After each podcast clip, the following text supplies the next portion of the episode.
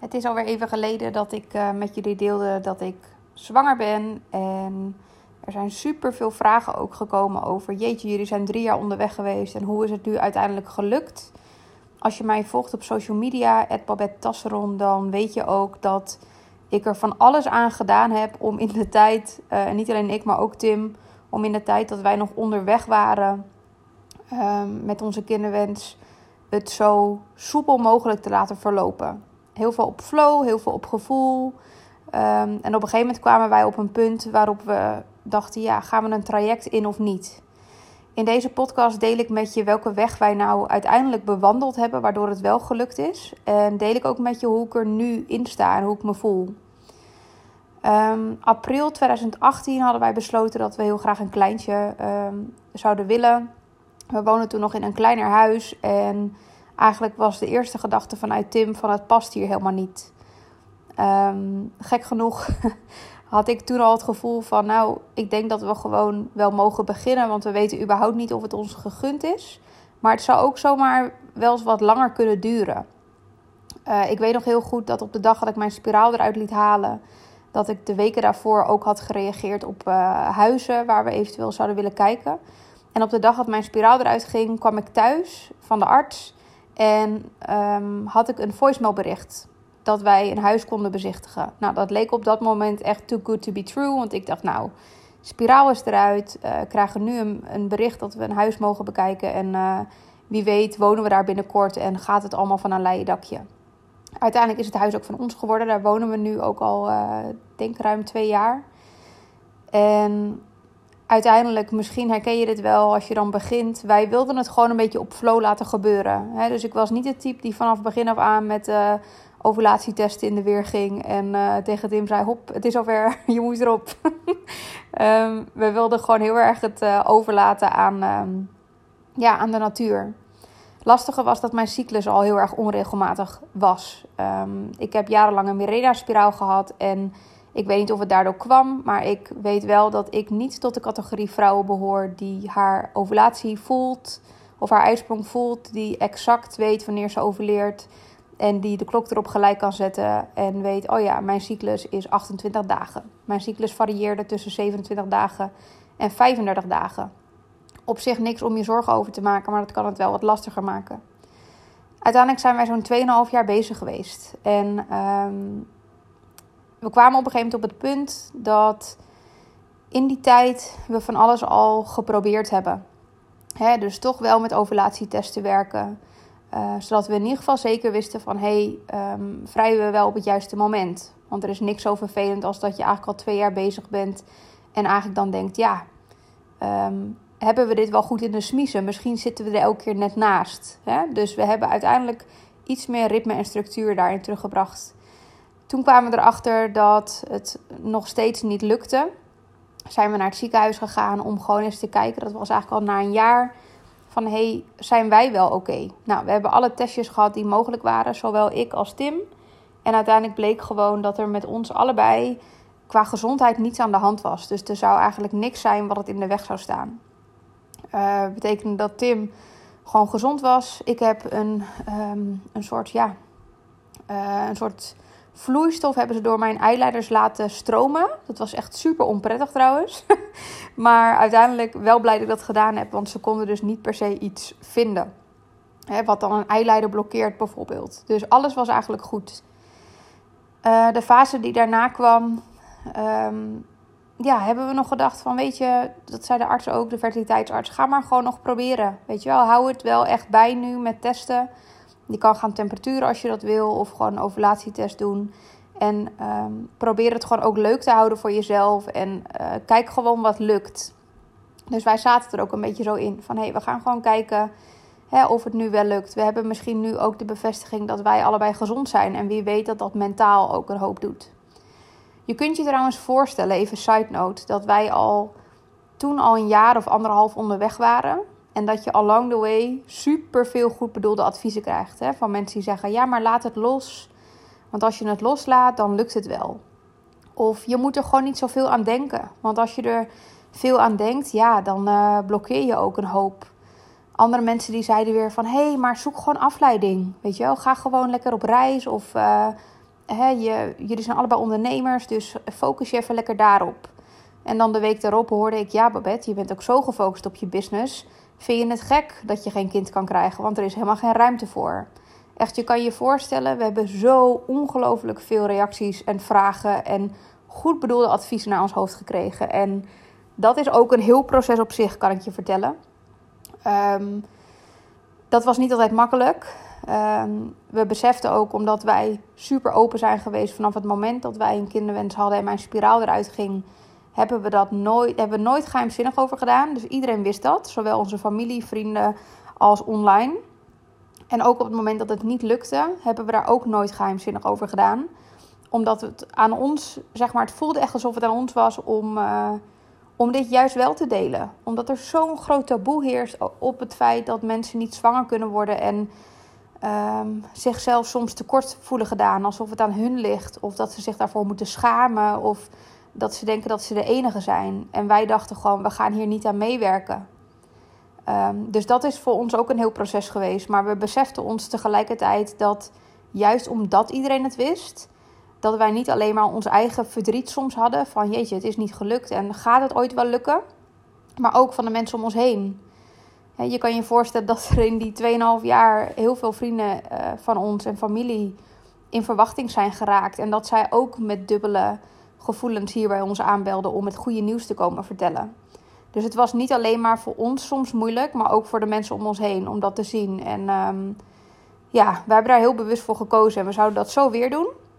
Maar dat maakt het ook al anders dan wanneer je gewoon met z'n tweeën hierin zit en een beetje Ehm, het een beetje afhoudt richting de buitenwereld en mensen eigenlijk niet zo goed weten wat er speelt. Um, even tussendoor, mocht jij iemand zijn die, ehm, die altijd met goed bedoelde adviezen komt, uh, richting mensen die al een tijd bezig zijn. ik heb er heel veel aan gehad als mensen niet me vertelden van laat het los.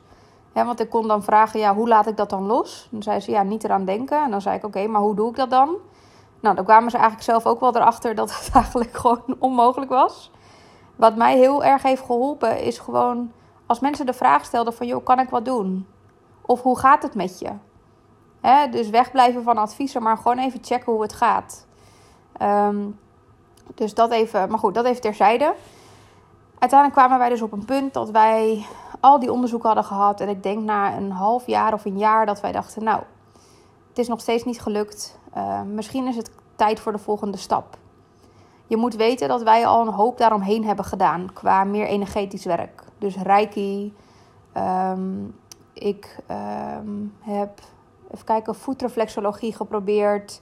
En uiteindelijk kwam ik dus op het punt dat ik tegen Tim zei: Ja, het voelt een beetje alsof we nog niet al in aan het gaan zijn. Misschien dat een traject, hè, ook al zag ik daar ontzettend tegenop, misschien dat dat ons veel meer gaat brengen. Want dan doen we het niet half meer. Weet je wel, dan moet ik gewoon aan de hormonen. En dan weet ik zeker dat ik op het juiste moment, uh, wanneer ik overleer. En dan doen we dat op die manier. En dan gaan we echt al in. Dat voelde alsof we een beetje op 80% bleven hangen. Dus uh, afspraak gemaakt. Um, allebei daarheen geweest. Het was echt een tijd van corona. Dus we hadden online, of in ieder geval via telefoon, een afspraak met z'n tweeën. Zodat Tim in ieder geval ook nog kon meeluisteren. En na een paar weken ben ik uitgenodigd ehm, door de afdeling fertiliteit om langs te komen voor prikinstructie. En op het moment dat ik daar aan tafel zat en de arts met mij ging bespreken hoe dat dan zou gaan, toen riep mijn intuïtie echt: Babette, maak dat je wegkomt. maak dat je wegkomt. En als je me langer volgt, dan weet je eigenlijk dat ik alles op intuïtie doe. Dus echt van weet ik veel. Uh, een vakantiehuisje uitzoeken tot de manier waarop ik mijn business nu al sinds 2015 run. Vriendschappen die ik aanga, uh, samenwerkingen die ik aanga. Ik doe alles op intuïtie. En mijn intuïtie heeft ook vetorecht. Dus als mijn hoofd denkt, nee joh, we moeten hier echt links. En mijn intuïtie zegt, nee hoor, we gaan gewoon rechts. Dan ga ik dus rechts en ik, ik stel haar geen vragen. Maar goed, je kan je voorstellen, ik zit tegenover die arts, die kijkt me aan. Die begint met die instructie en mijn intuïtie zegt: maak dat je wegkomt. Ja, ehm, ik, ik luister ernaar. Dus ik heb ook echt tegen die arts gezegd: sorry, maar ja, dit is hem, dit is hem toch niet. Ik ga.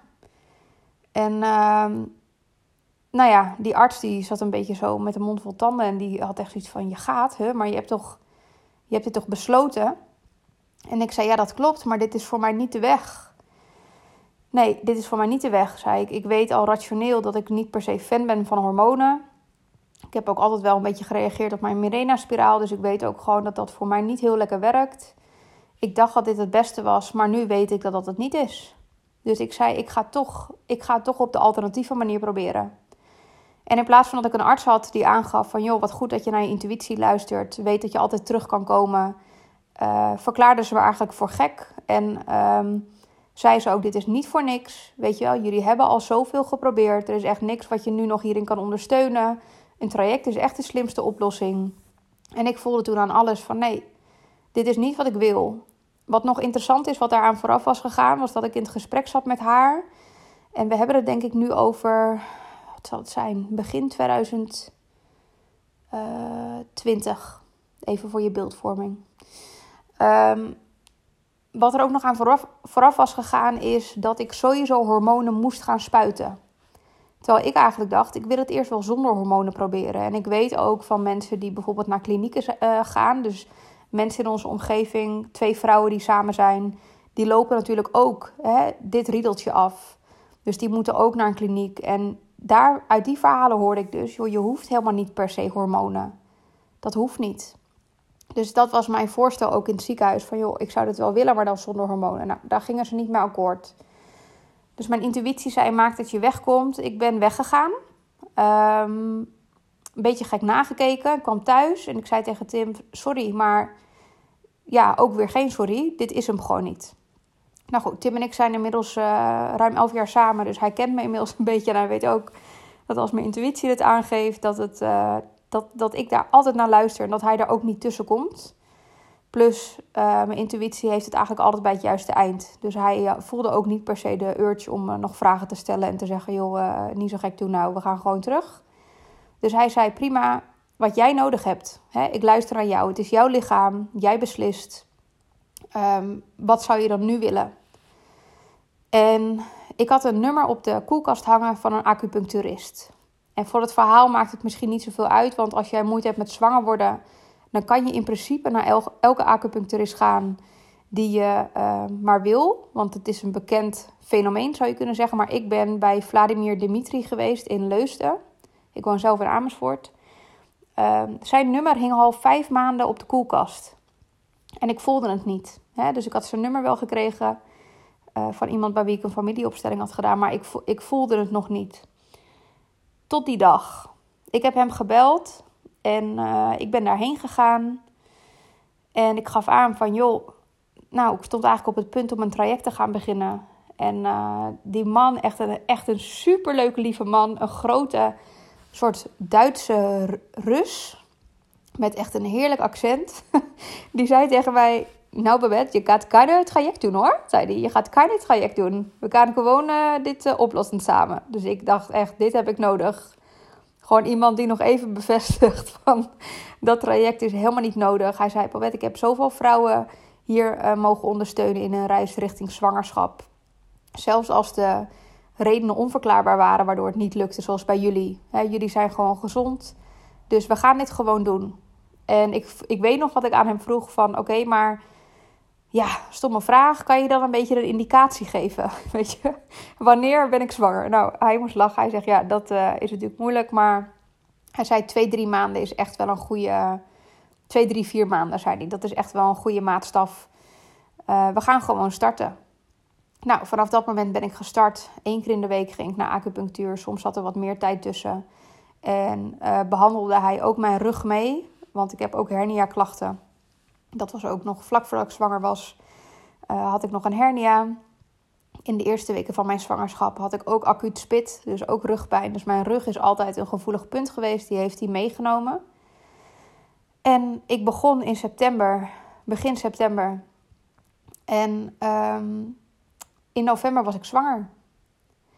En je kan je voorstellen dat we weten, niet, we weten nooit wat het geweest is. Hè? Ik ben naar de acupuncturist geweest en echt als het aan mij lag zou ik echt een billboard ophangen langs elke snelweg met een foto van Vladimir en zeggen nou probeer het gewoon. Als je moeite hebt, probeer het, ga daar langs.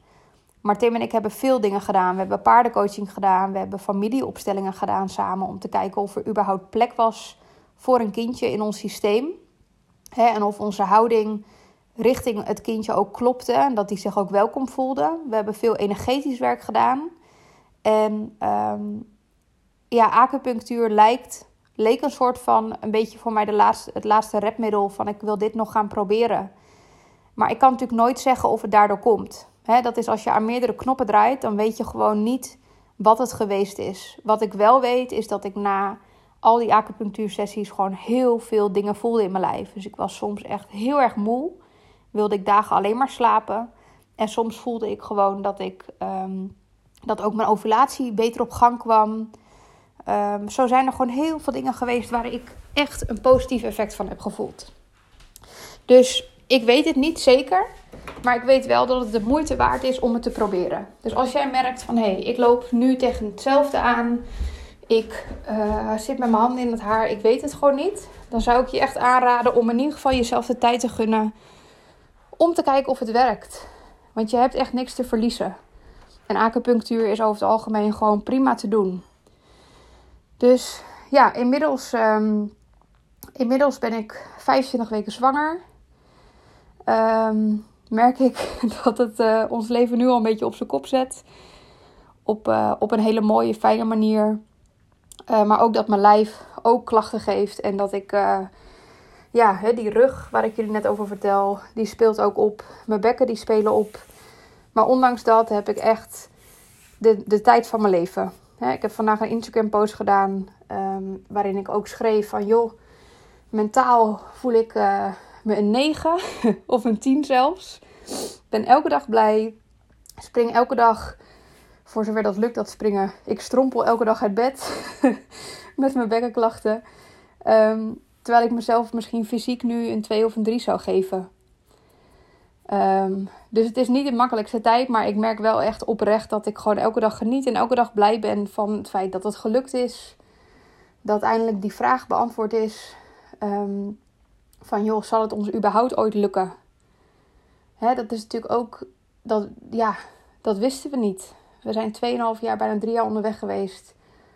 En dat was het grootste vraagteken. Van joh, we doen er nu wel van alles aan. Maar misschien zijn wij wel dat kind of dat stel wat ongewenst kinderloos blijft. En um, ja, het feit dat, dat, dat we nu weten dat dat niet het geval is. Dat ik al over de helft ben van mijn zwangerschap. Dat ze supergoed groeit. Um, het is dus een meisje. Ik heb het eigenlijk ook online nog niet gedeeld. Omdat het ons niet uitmaakte wat het geslacht was. Maar je hoort me nu toch al ze zeggen. er zit een meisje in mijn buik. En um, ja, we zijn gewoon dolgelukkig hiermee. Dus als jij nu luistert en je was benieuwd en je was nieuwsgierig ik kan natuurlijk geen advies geven of zeggen: doe dit, want het werkt. Het enige wat ik weet, wat voor mij heel goed heeft gewerkt, is dat ik geen compromis hoefde te sluiten op mijn intuïtie. Hè, ik wilde niet een weg bewandelen met hormonen, omdat dat nou eenmaal is wat de artsen zeggen. Sterker nog, ik heb een wat andere weg gekozen die misschien wat langer heeft geduurd. Waarbij ik een hoop scheve blik heb gekregen van mensen uh, uit de medische wereld. Maar waarbij ik wel voelde: dit is mijn weg. Hè, net als het leven ons leven richten we ook helemaal in op een manier die bij ons past. En ik dacht ook, waarom zou ik dat met de zwangerschap anders doen?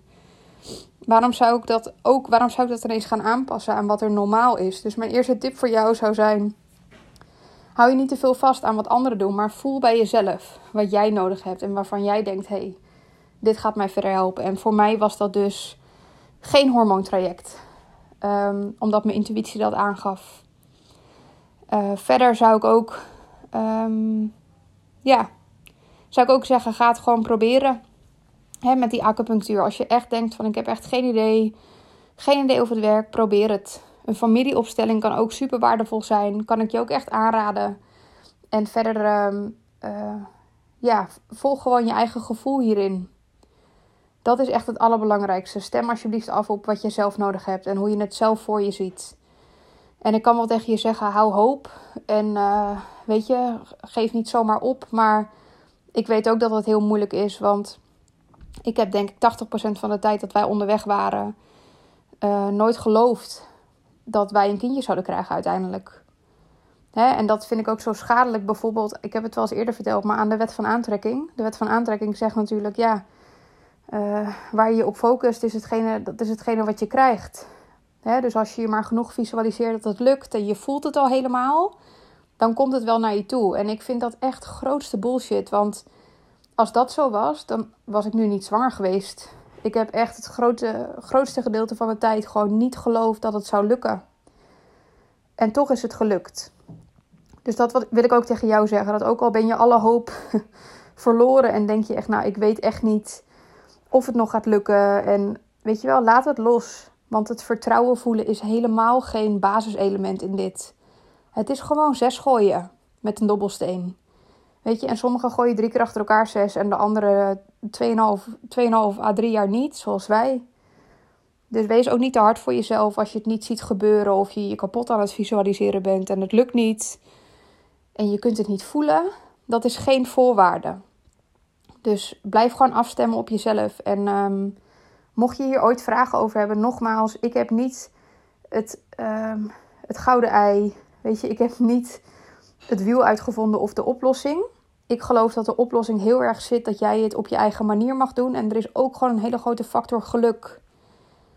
Ehm, maar weet dat je me altijd een berichtje kunt sturen.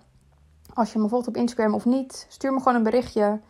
En ja, ik, ik weet uh, dat ieder zijn eigen proces hierin heeft. En dat er misschien tien stellen zijn die in dezelfde fase hebben gezeten of zitten waar wij in hebben gezeten. Maar iedereen ervaart het op zijn eigen manier. Dus praat vooral goed met elkaar en, en stem ook op elkaar af en op je intuïtie. Nou, het is een wat langere podcast dan normaal. Maar goed, het is ook een heel persoonlijk verhaal. Um, ik ben benieuwd wat je ervan vond. En uh, weet ook dat je me altijd dus een bericht kunt sturen of een mailtje hierover. Super leuk om van je te horen als je luistert. En uh, ja, mocht je op de hoogte willen blijven van, van de gekke cravings die ik heb in mijn zwangerschap. En uh, alle andere elementen die voorbij komen. Want dat zijn er nogal wat. Weet dat je me kunt volgen. En dan zien we elkaar daar.